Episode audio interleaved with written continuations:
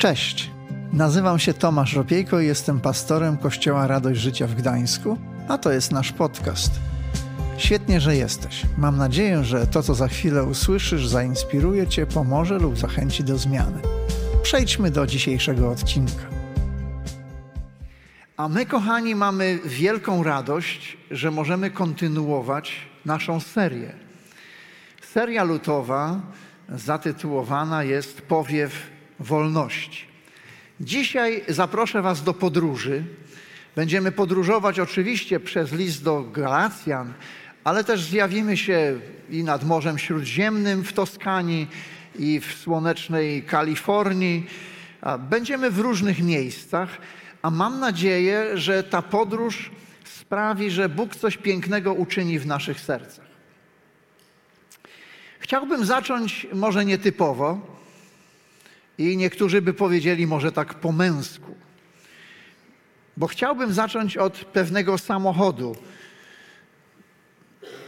Samochodu bardzo drogiego. Jego właściciel y, szykował go 23 lata i wydał na to 208 tysięcy dolarów. Troszkę jest, prawda? A o jaki samochód chodzi? No, chodzi o samochód Mercury Cornet z 1964 roku. Zaraz zobaczycie y, ten samochód. 1300 y, koni mechanicznych. Panowie kręcili, kręcili program motoryzacyjny no bo jak nie kręcić odcinka z takim cackiem? No i w pewnym momencie coś poszło nie tak. Właściciel siedzi za kierownicą. Gość, czy właśnie gospodarz programu na pasażerskim siedzeniu. Patrzcie na ich miny, zobaczcie, co się dzieje Film będzie bez dźwięku, bo padają słowa y, niekoniecznie adekwatne do dzisiejszej okoliczności. Prosimy bardzo, prosimy bardzo o, o filmik.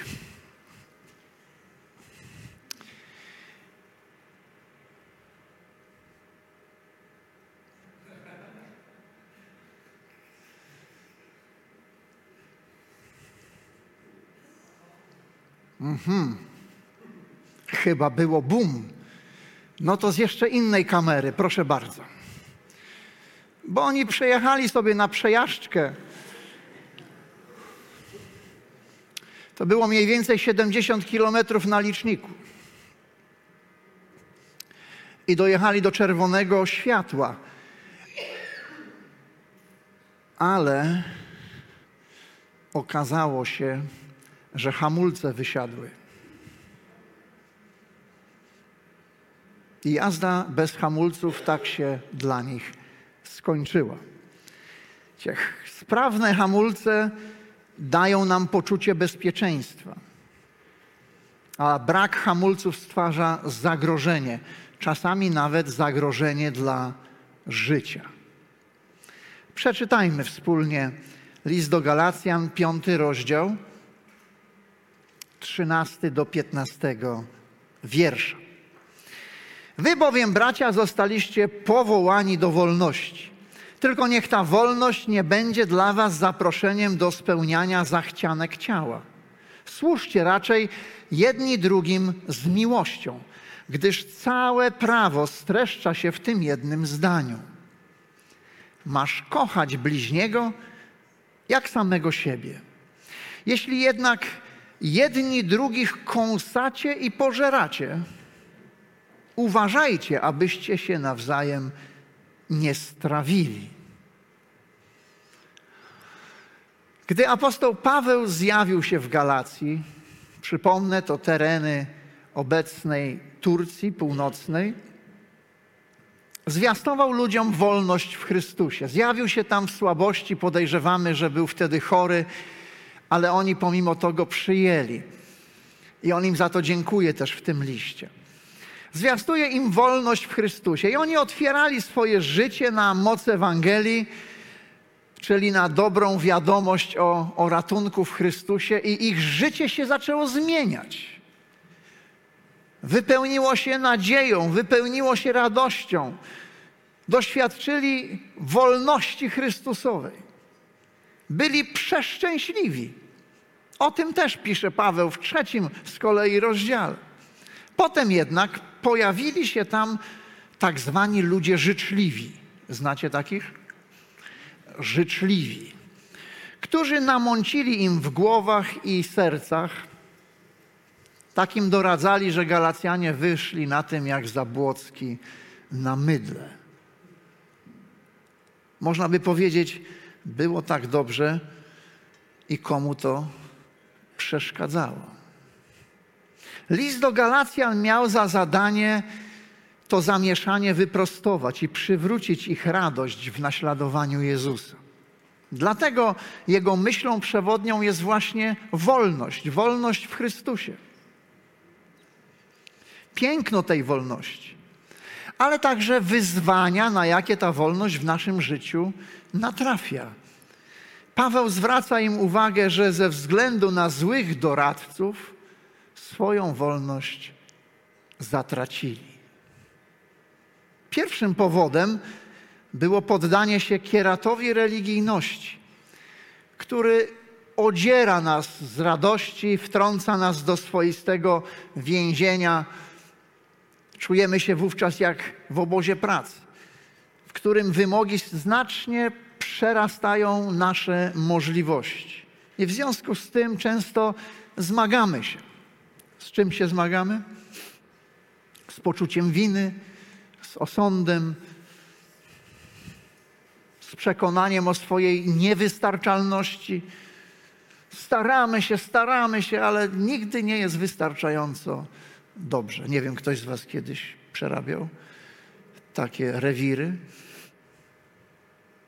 Staramy się o zgrozo, to jest paradoks, zaskarbić sobie czy zasłużyć sobie na Bożą łaskę.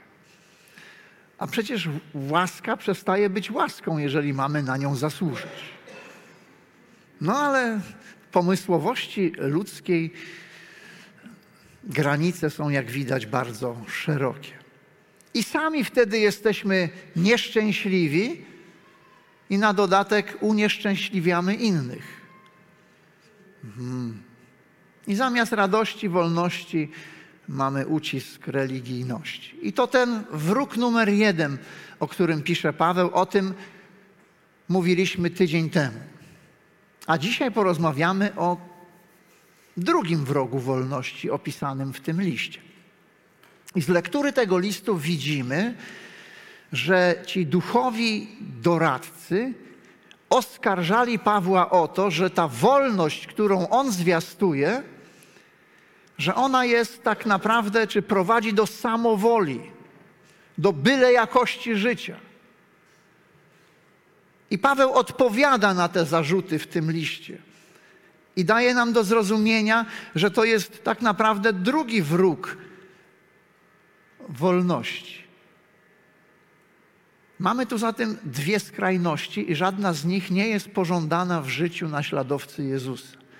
Po jednej stronie mamy kierat religijności, a po drugie mamy życie bez hamulców. Czyli potoczne rób ta, co chce ta.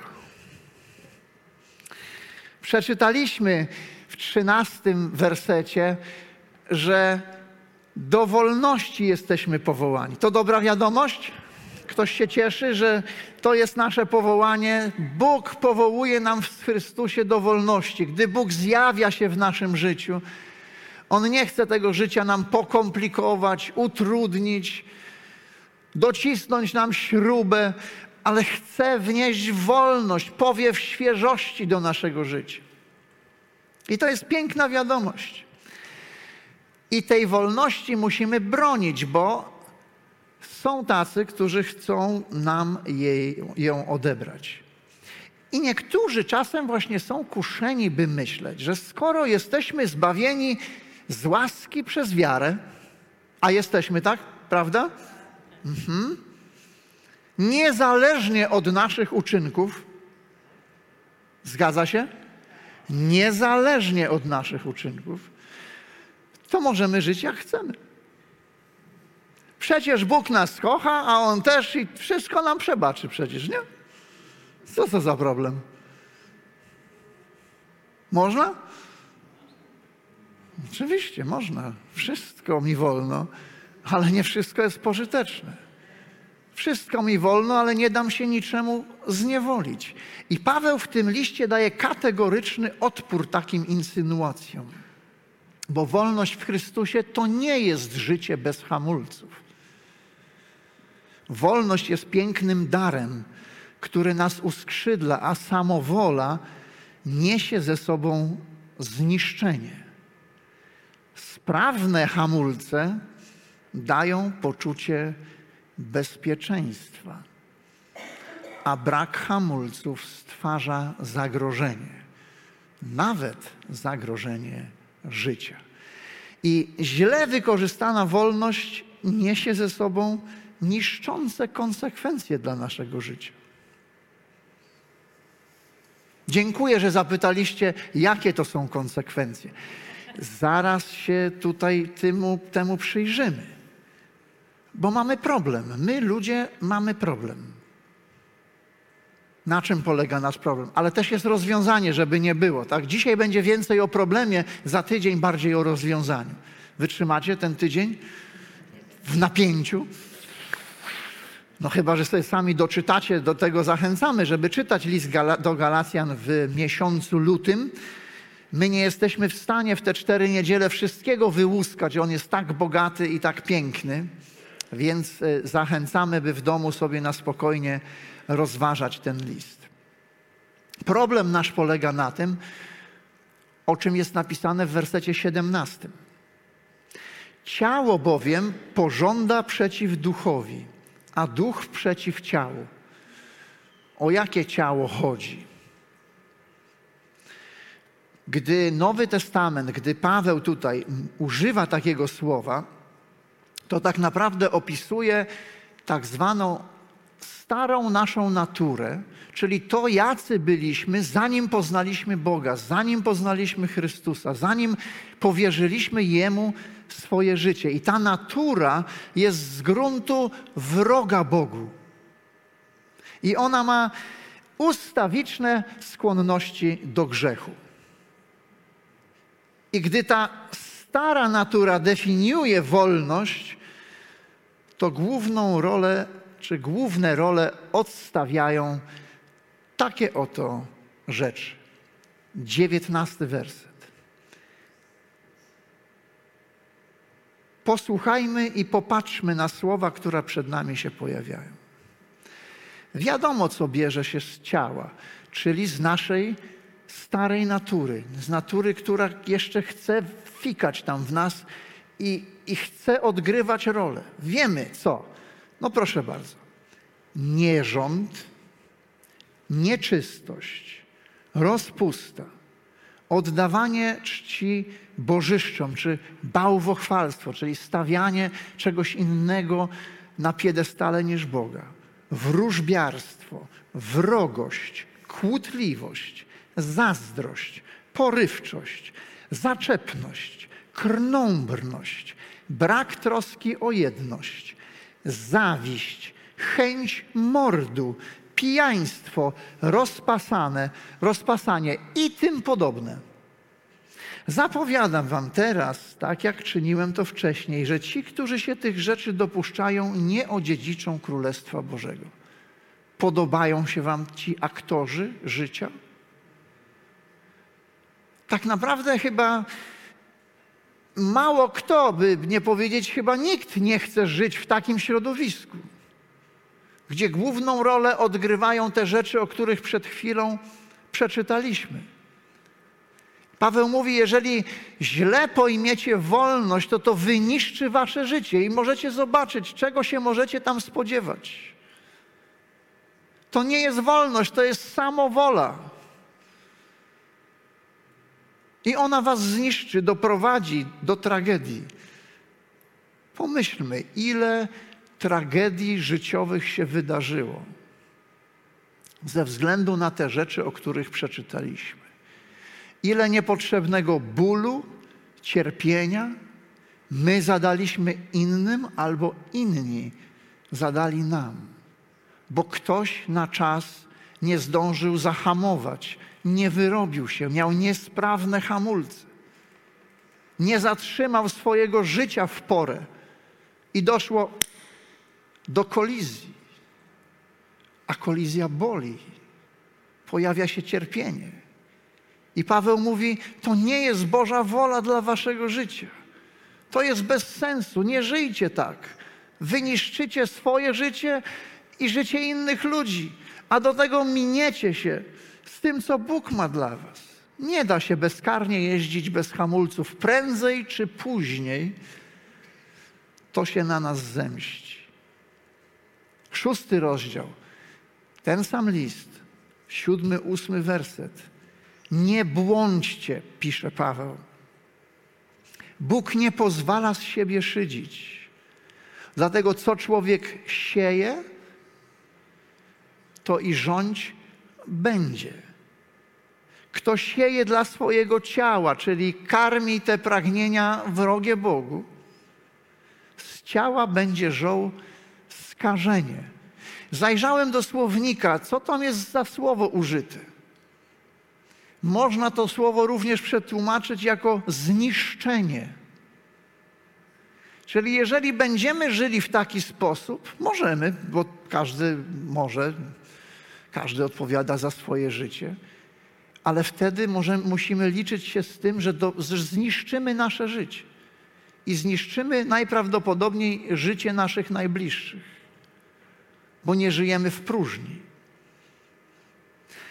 Kto sieje dla swojego ciała, z ciała będzie żoł skażenie czy zniszczenie, a kto sieje dla ducha, z ducha będzie żoł życie wieczne. Więc mamy więc problem, ale jest rozwiązanie. Gdy ta przeciwna Bogu natura definiuje wolność w naszym życiu.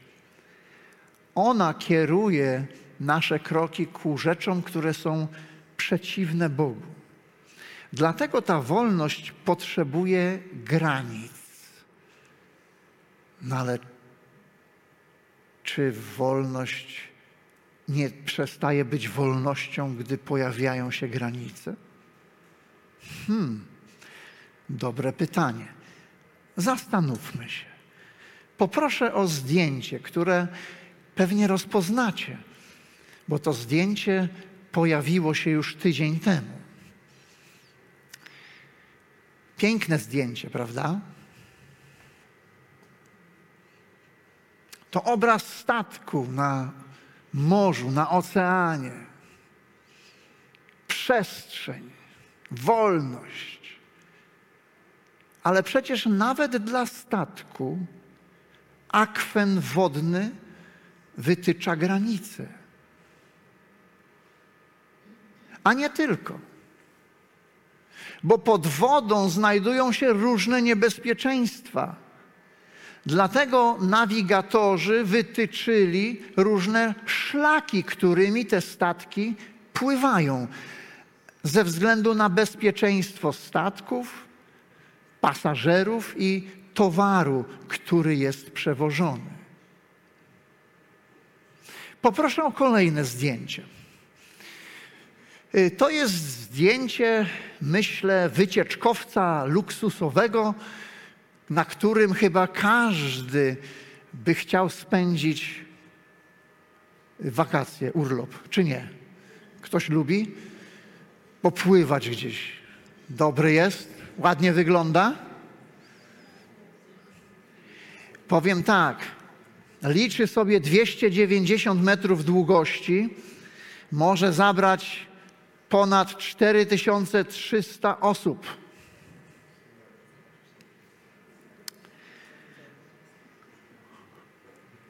Poproszę o drugie zdjęcie, trzecie właściwie.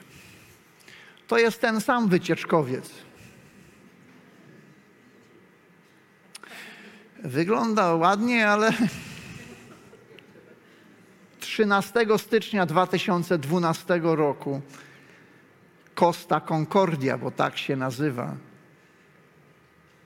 zbaczając ze standardowego szlaku, ryzykownie zbliżył się do wyspy Giglio na Morzu Tyreńskim. Czytam. I uderzył w podmorską skałę. W wyniku tego nabrał wody i przewrócił się na bok. W tej katastrofie zginęły 32 osoby, a winą za to, co się wydarzyło, obarczono kapitana, który zboczył z wytyczonego szlaku.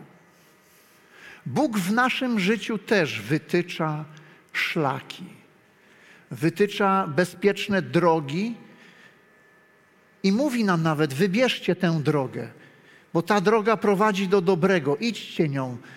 Wasze dusze będą zaspokojone, będziecie dobrze się mieli. Idźcie tą drogą, płyńcie tym szlakiem. No właśnie. Abyśmy bezpiecznie mogli dopłynąć do celu. A co jest tym celem? Jaki Bóg ma cel dla Ciebie i dla mnie? Czy moglibyśmy powiedzieć, że tym celem jest bliskość z Nim? Bliskość z Nim już tutaj, ale cała wieczność w Jego towarzystwie. Czy moglibyśmy powiedzieć, że tym celem jest podobieństwo do Jezusa Chrystusa? Co ciekawe, greckie słowo, które tłumaczone jest jako grzech, brzmi hamartia, oznacza, zostało wzięte z łucznictwa i oznacza minięcie się z celem, nietrafienie do celu. I dokładnie to grzech robi w naszym życiu. Sprawia, że schodzimy ze szlaku, że mijamy się z tym celem, który Bóg ma dla ciebie i dla mnie. Bo celem grzechu jest, żebyśmy się znaleźli jak rozbitkowie na jakimś skalistym wybrzeżu, albo jak ten Merkury, który się rozwalił, bo hamulce wysiadły. Potrzebujemy mądrych granic, mądrych zasad, sprawnych hamulców, bo życie nam pokazuje, że bez tego siejemy zniszczenie. Wystarczy włączyć wiadomości dzisiaj. Wystarczy przeczytać gazetę. Wystarczy, wystarczy rozejrzeć się, zobaczyć na świat, w którym żyjemy. Jak bardzo ludzie zdryfowali, zeszli ze szlaku. I ile widzimy tego, co Paweł wyliczył, co przeczytaliśmy. Czytałem wywiad jednym z profesorów, który powiedział, że młodzi ludzie dzisiaj w mediach społecznościowych od nikogo nie usłyszą, dlaczego normy są ważne i dlaczego potrzebna jest tradycja, że są pewne standardy. Oni raczej usłyszą, że nikt im niczego nie może narzucać, bo to ich zblokuje, a przecież mają być lepszą wersją samych siebie. Ale psychologowie mówią, że młodzi ludzie, żeby w zdrowy sposób się rozwijali, potrzebują norm, potrzebują standardów, potrzebują wiedzieć, ktoś musi im powiedzieć, jak mają żyć. Bo jeżeli tego się nie zrobi, pogubią się, roztrzaskają się gdzieś, w coś się wpakują, w coś wjadą i może rozwalą swoje życie i życie innych. Pytanie wobec tego, kto ma wytyczać te granice? I Paweł odpowiada na to pytanie w tekście, który przeczytaliśmy. Galacjan 15:3, ta pierwsza część, 13, przepraszam. Tam było napisane tak, że do wolności jesteśmy powołani, ale abyśmy tej wolności nie wykorzystywali do tego, by ulegać tej starej naturze. A co zamiast tego mamy robić, Pawle? I Paweł śpieszy z takimi słowami. Służcie raczej jedni drugim z miłością. Prawo to odniesienie do tych, którzy miłują prawo, ci, którzy uważają, że powinno się robić to i to i to i to. Mówi, prawo streszcza się w tym jednym zdaniu: masz kochać bliźniego tak jak siebie samego. I możemy z tego wywnioskować, że odzwierciedleniem wolności w Chrystusie jest dojrzała odpowiedzialność i świętość życia. I że to miłość jest tym, co wytycza granice naszej wolności. Miłość do Boga. No jeżeli kochamy kogoś, to przecież nie chcemy go zranić, prawda? Chcemy zrobić to, co będzie dla niego błogosławieństwem, co będzie dla niego radością albo dla niej. Wiemy, że gdy dochodzi do głosu ta stara natura, to różne rzeczy robimy i mówimy, a potem tego żałujemy. Prosimy o wybaczenie. I Paweł mówi, to jest zasada, którą powinniśmy się w życiu kierować. Zasada miłości. Miłości do człowieka. On tu mówi o tym, bo o relacjach pisze o tym, jak siebie nawzajem mamy traktować. I jest ona wynikiem zaufania Chrystusowi i dania przyzwolenia, aby Duch Święty nas prowadził i kształtował. Ale o tym więcej będzie za tydzień. Zastanówmy się. Tak dobrze jest mówić o innych, nie lubimy mówić o innych. Trudniej mówić o sobie. Ale pomyślmy przez chwilkę. Jak działają Twoje hamulce? Udaje Ci się na czas wyhamować? Z tym, co mówisz, jak mówisz? Z tym, co robisz, jak robisz? W jakim są stanie? Na ile sprawnie potrafisz na czas wyhamować by nie doszło do kolizji.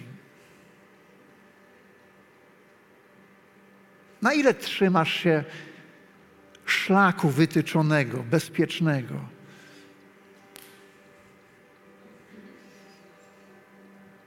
A na ile zbaczasz tego szlaku, który Bóg wytycza dla ciebie i dla mnie?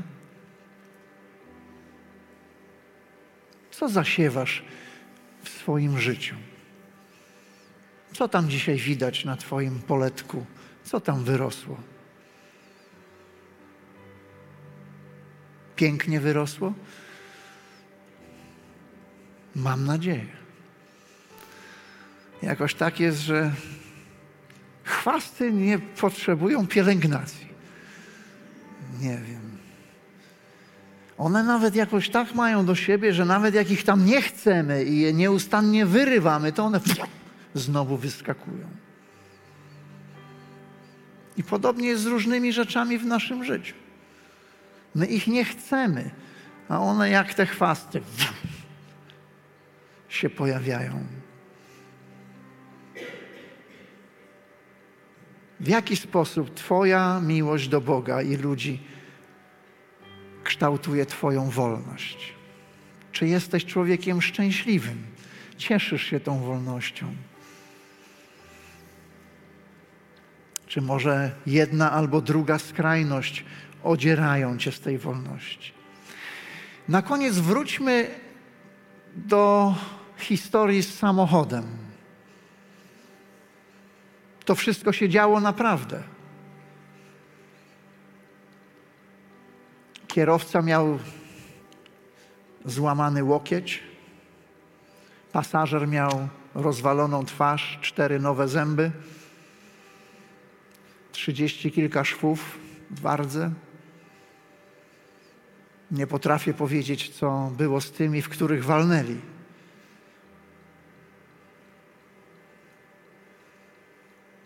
Może i ty zostałeś poturbowany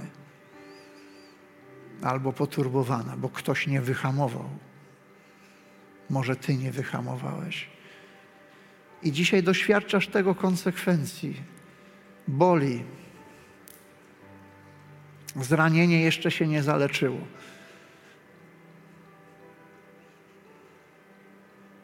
Może Twoje życie roztrzaskało się jak ten wycieczkowiec. Dlatego zawsze po nabożeństwie tu po prawej stronie stoją duszpasterze, aby się z każdym, kto potrzebuje tego, pomodlić. Nie gwarantujemy, że wszystko jedną modlitwą ciach. Bo to często tak nie działa. To jest proces. Ale to jest kolejny krok na drodze do wolności, do uzdrowienia. Więc jeżeli wiesz, że potrzebujesz od czegoś być uzdrowiony, uzdrowiona, bo tobie albo komuś puściły hamulce, przyjdź, skorzystaj z modlitwy.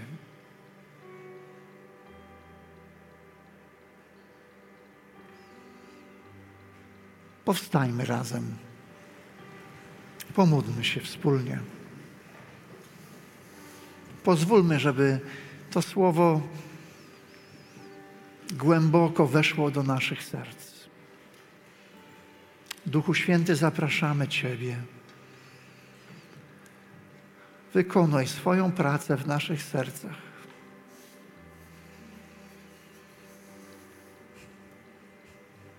Tak jak śpiewaliśmy, Panie, czasem po prostu nawet Brak nam słów, nie wiemy, jak Ci dziękować.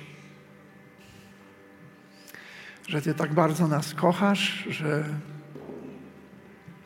wyzwalasz nas z różnych rzeczy, które krępują nasze życie. Tak bardzo Ci za to dziękujemy. Za prostotę i moc Ewangelii, tej dobrej wiadomości o ratunku w Chrystusie. Panie, ucz nas. Ucz nas z tego korzystać. Dopomóż nam usuwać z naszego życia negatywne skutki źle pojmowanej wolności, Panie. Niech Twoja miłość wyprowadza nas na wolność. Ucz nas dokonywać mądrych i odpowiedzialnych wyborów które będą sprawiały Ci radość i będą błogosławieństwem dla nas, ale też dla naszego otoczenia. Panie, powierzamy się Tobie. Gdy za chwilę będziemy śpiewać, dotykaj nas. A jeżeli jesteś tutaj, a może przed ekranem i nigdy nie oddałeś, nie oddałaś swojego życia Chrystusowi. Mówiąc obrazowo, nigdy nie pojawiłeś, nie pojawiłaś się na tym Bożym szlaku, to dzisiaj możesz to zrobić. Możesz do Niego prostymi swoimi słowami się zwrócić. Powiedzieć Mu, że chcesz. Że chcesz wpłynąć na ten szlak, że chcesz, aby Twoje winy zostały przebaczone że chcesz żyć w wolności, którą On przynosi. Wykorzystajmy ten moment, kochani. Dzięki, że zostałeś z nami do końca. Pamiętaj, że odcinki pojawiają się w każdy poniedziałek o 18. Jeśli chcesz dowiedzieć się o nas więcej, to wejdź na stronę kazetgdańsk.org. Do usłyszenia.